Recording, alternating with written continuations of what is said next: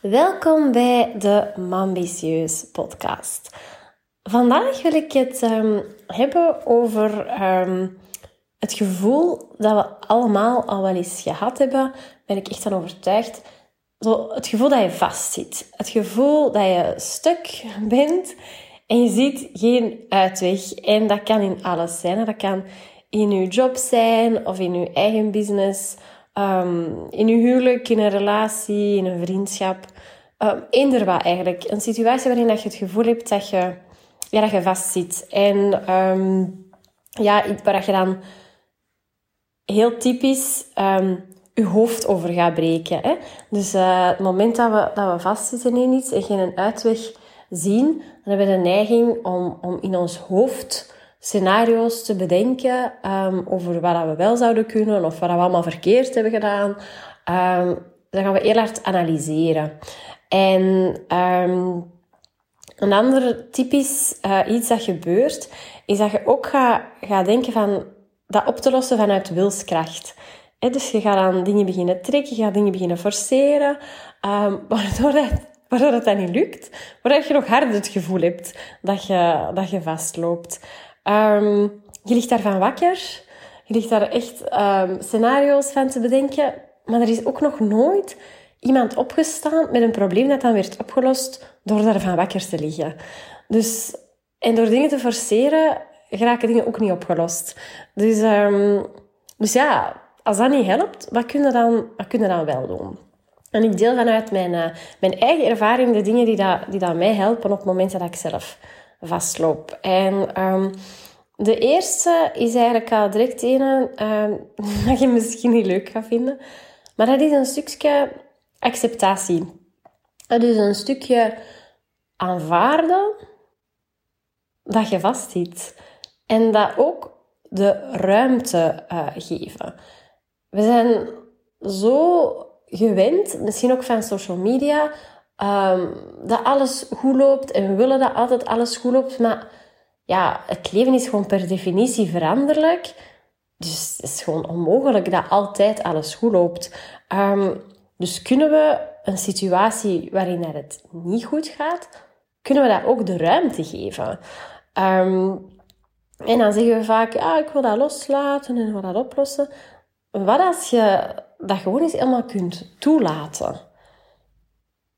En dat je als waarnemer daarnaar kijkt, heel neutraal. En dat je bijvoorbeeld um, een kakkerlak vinden wij ook maar een vies beest, omdat dat in ons hoofd is opgelegd dat dat een vies beest is. Wij hebben die associatie gemaakt. Aan zich is een kakkerlak gewoon ook een dier.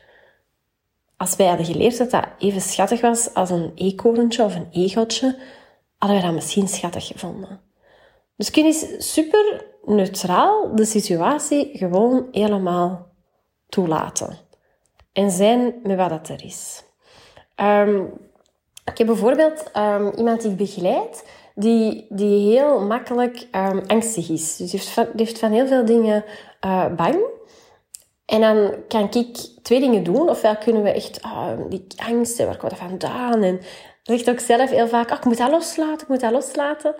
Maar wat als je dat eens zou toelaten? En dat je, want op zich wilt angst, dat wilt gezien worden, dat wilt gevoeld worden. Dus wat is er in de situatie uh, bij u nu aan de hand dat gevoeld wilt worden, dat ruimte wilt krijgen? Die kakkerlak wilt gezien worden.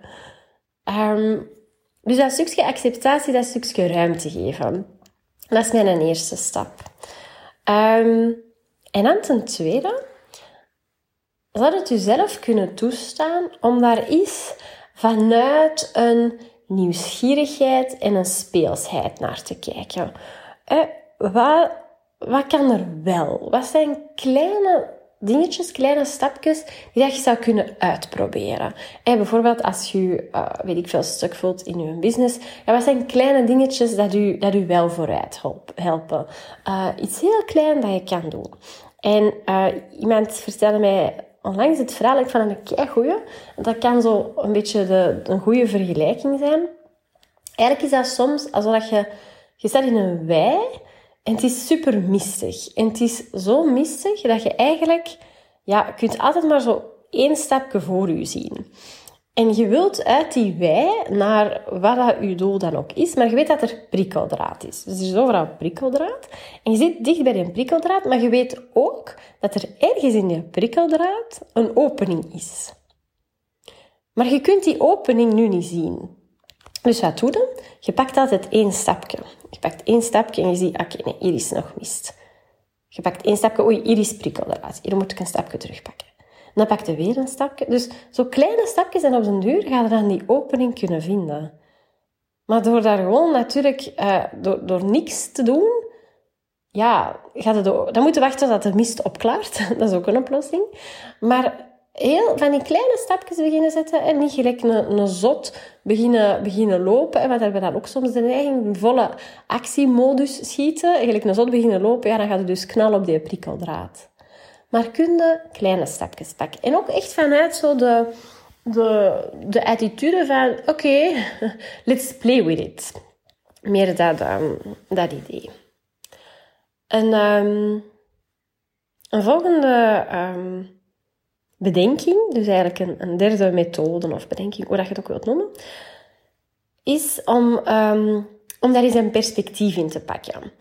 En momenten dat ik met kleine of grote dingen denk van, goh, ik weet eigenlijk niet wat ik hier moet doen, dan uh, stel ik mezelf een aantal vragen. Een eerste uh, vraag die ik mijzelf stel is tijdgebonden. Van oké, uh, ik zit hier nu. Waar wil ik binnen drie maanden met die situatie naartoe? En waar wil ik binnen drie jaar met die situatie naartoe? Dus hoe wil ik dat dat evolueert binnen drie maanden? Wat zou een goede situatie zijn? En hoe zou ik hier binnen drie jaar op terugkijken? En soms is alleen al dat lange termijn perspectief een hele waardevolle. Want dan denkt je misschien, ja, maar binnen drie jaar ga ik hier echt niet meer van wakker liggen. Of misschien wel. En dan is het natuurlijk de moeite om dat verder te onderzoeken. En een andere um, vraag die ik mezelf ook altijd stel is, oké, wat zou mijn 90-jarige ik mij hiervan in adviseren? Ja, als ik later um, terugkijk op mijn leven, naar dit moment... En bijvoorbeeld, ik heb dat dan heel vaak, eh, businessgewijs, als ik niet weet wat ik moet doen, als ik ergens in vastzit, dan denk ik, ja, die 90-jarige ik, ja, die zou er eens misschien een beetje mee lachen, want dat, dat is eigenlijk maar echt een, een momentopname. Dus welk perspectief geeft uw 90-jarige zelf. Hetzelfde met uw, um, met uw 8-jarige ik. Je kunt ook eens kijken naar, oké, um, in deze situatie, wat zou, wat zou het, mijn 8-jarige ik daarvan vinden? Wat zou die, want soms geven kinderen echt het beste advies ooit. Wat zouden die zeggen? Hoe zouden die er naar kijken? En dan nog een volgende vraag dat ik mezelf ook stel is, oké, ehm, wat wil ik hieruit leren? Wat wil deze situatie mij vertellen um, dat ik kan meenemen als les?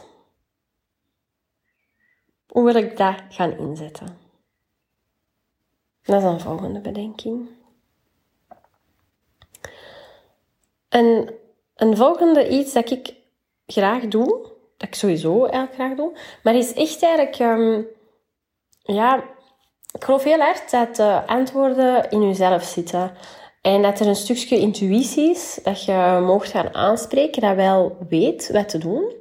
Maar um, zeker als we zo in dilemma's zitten of in situaties waarin we niet goed weten wat we kunnen doen, dan schieten we in ons hoofd. En om dan terug te kunnen naar die intuïtie, ja, heb je, heb je echt ruimte en stilte nodig.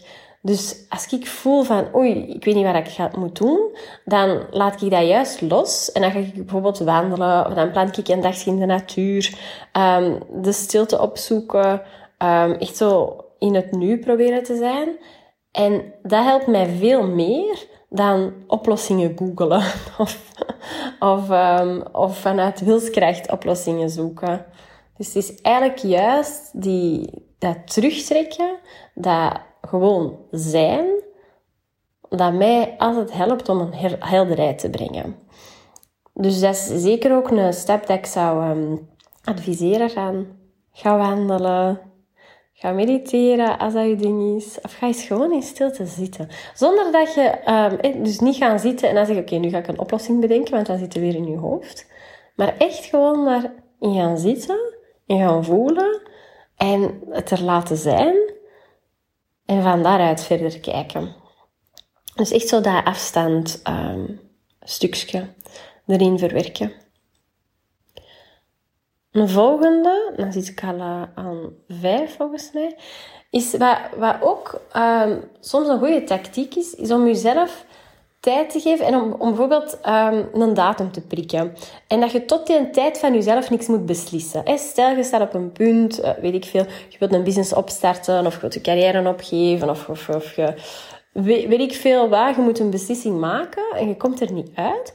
Geef jezelf tot een bepaalde datum tijd en tot die tijd moet je niks beslissen. Dus je haalt voor jezelf de druk eraf en tot die tijd is het je enigste um, bezorgdheid om in het moment te zijn. Dus je, je focust je op het heden, je uh, zij bij wat er is, je laat alles, um, alle gevoelens, alle dingen in je hoofd er gewoon zijn, maar je moet niks beslissen. En, en dat haalt een druk er ook al een beetje af. En als je dan intussen tijd die andere technieken doet, en die datum komt dan dichterbij, dan kun je op die datum zelf een beslissing pakken. Maar door er heel een tijd over te malen, ja, je gaat alleen maar meer in twijfel geraken dan dat je helderheid gaat krijgen. Dus soms is het een goede manier om jezelf eigenlijk een beetje, een beetje tijd te kopen. Op die manier. Um, een volgende is, um, ja, dat klinkt heel melig, maar een stukje zelfliefde. Ik denk echt dat wij onszelf allemaal veel te, te weinig graag zien. Um, dat dat ook zo snel wordt verward met arrogantie, als je jezelf graag ziet. Terwijl dat, zo belangrijk is. Ah, we zijn soms zo hard voor onszelf. Ik zie dat echt bijna bij al mijn klanten zo, zo streng voor onszelf. Terwijl dat, ja, je zoekt het goed, maar we hebben zo'n krachtige uh, innerlijk stemmetje, ik noem dat de bemoeial, die ons vertelt wat we allemaal niet goed doen. En uh, die dan misschien ook vertelt waarom dat deze situatie dan uw schuld is. Um, maar gooi daar eens echt een mega dosis zelfliefde bovenop. En erken jezelf voor wat dat er wel allemaal goed gaat en wat je wel allemaal goed doet. En um, ja, die zelfliefde, dat is zo, dat is zo belangrijk.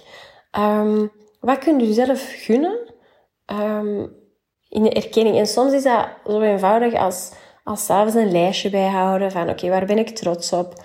Of een aantal grote verwezenlijkingen um, noteren en zo terug dat gevoel oproepen. maar je moet niet zo hard op aan jezelf zijn. Door zelfkritiek en negatieve self-talk is ook nog nooit iemand echt beter geworden. En uh, het feit dat je hier naar luistert, betekent dat je niet arrogant bent. Dus dat kun je al zeker en vast uh, vergeten. Um, maar gun het jezelf om jezelf graag te zien. Ik denk echt dat dat uh, de kern is van veel dingen. Word je eigen cheerleader. En dan een volgende um, is een, um, een klankbord zoeken. Uh, dus eigenlijk iemand, een neutrale uh, persoon. En ik heb zo'n aantal mensen waar ik bijvoorbeeld businesswijs of lifewijs, ik heb zo'n paar vriendinnen waar ik weet dat ik echt terecht kan. Uh, ja, dat zijn zo mijn klankborden. en die zijn heel, um, ja, niet oordelend en Um, want soms kunnen wij ook aan mensen advies vragen. Maar iedereen kijkt natuurlijk vanuit zijn eigen bril. Maar wat ik heb ervaren, is dat alleen al het uitspreken van waar je mee zit, kan ook al helderheid geven. Dus dat je echt um, de situatie kadert, kadert waar je mee zit. Uh, alleen al dat, dat uitspreken um, heeft al uh, in zich iets dat, um, dat perspectief kan brengen. En ik ben zelf ook ooit naar echt een, een klankbordsessie geweest. Dat was dan echt meer vanuit het ondernemersperspectief. En ik vond dat, ik vond dat fantastisch. Ik vond dat zo... En eigenlijk door door te vertellen waar ik mee zat, had ik zelf al de inzichten. En dan natuurlijk was het ook via een bepaalde structuur dat andere mensen ook hun inzichten mochten geven. En dat heeft mij zo vooruit geholpen. Ik vond het ongelooflijk. En um, ik zie dat ook altijd in, die, in de groepcoaching sessies. Dus ik, um, ik begeleid, ik faciliteer, maar heel vaak begeleiden eigenlijk de, de vrouwen elkaar. Ik, ik kan daar echt zo dan in sommige van die sessies de, de luie coach uithangen, omdat je elkaar zo goed helpt. En omdat je jezelf ook helpt. Alleen al door daar te zitten en het uit te spreken, um, super waardevol. En vandaar dat ik dat ook in, uh, in een beetje kleinschalige, uh, op een kleinschaligere manier ga doen. Ik ga nu 10 juni, dus als je dat voor deze, voor deze datum luistert, 10 juni ga ik een eerste sessie organiseren, een eerste breakthrough morning. Um, omdat die sessie voor mij ook zoveel impact heeft gehad. En ik zie dat ook bij de, bij de andere deelnemsters in de, in de trajecten dat ik begeleid. Um, dus een breakthrough morning, dat is eigenlijk een, um, een ochtend met een heel klein groepje, maximum zes mensen. Uh, waarbij je eigenlijk een struikelblok aanbrengt iets persoonlijk of iets professioneel, maakt niet uit. En waar we eigenlijk dan als groep, en dat is volgens een bepaalde structuur, dus dat is niet gewoon een, een praatgroep of een soort van cirkel. Ik, uh, ik zorg voor een intervisiestructuur, heet dat. Um, waarbij dat je eigenlijk elkaar gaat, um, gaat begeleiden en waarbij dat ik dan als facilitator optreed. En ik geloof super hard in dat concept, um, omdat de de vrouwen die dat zich daarvoor inschrijven ook, ja, dat zijn ook um, open-minded vrouwen. En dan zie je pas ook hoe goed dat je elkaar kunt helpen. En hoe waardevol dat, dat is. En ook bijvoorbeeld om alleen maar te, te, eens te horen, ah, ik heb dat ook gehad. Of ah, ik herken dat ook. Alleen al dat kan ook, kan ook een enorme geruststelling zijn en kan u een perspectief bieden. Um, dus dat is wat er te gebeuren staat. Um, maar wilde dat een vriendin doen, is dat natuurlijk ook helemaal goed. Maar dit is dan eigenlijk echt een neutrale bril dat wordt, um, dat wordt aangeboden. En het idee is om dat dan vanaf um, eind augustus, september in het najaar, om dat eigenlijk elke maand te gaan organiseren. Voilà. Dus dat waren eigenlijk mijn, mijn zeven tips om als je uh, stuk, je stuk voelt als je voelt, het idee dat je vastloopt om, uh, om daar stappen vooruit in te zetten. Uh, dus de eerste was dat stukje acceptatie, de ruimte geven. De tweede was daar vanuit de nieuwsgierigheid en speelsheid kleine stapjes in zetten. Um, de derde was het perspectief. Hè, wat zou je 90-jarige doen? Wat zou de 8-jarige doen? Um, het vierde, stilte, stilte opzoeken, afstand nemen. Um, vijfde, dat tijd geven, dan een, een, eh, een datum opzetten. En daartussen moet alleen maar in het nu zijn. Zelfliefde, de zesde. En dan, uh, en dan een klankborst zoeken, de zevende. Dus um, voilà, ik ben heel benieuwd um, wat je eruit haalt, zoals altijd. Laat het mij gerust weten. Um, en van de, de link in de show notes zal ik ook alle details zetten van het, uh, van het evenement uh, en van de komende events als je dit later luistert. Dus um, voor nu, haal eruit wat er voor jou in zit, zou ik zo zetten. En um, laat het mij zeker weten wat dat uw inzicht is uit deze podcast. Doei!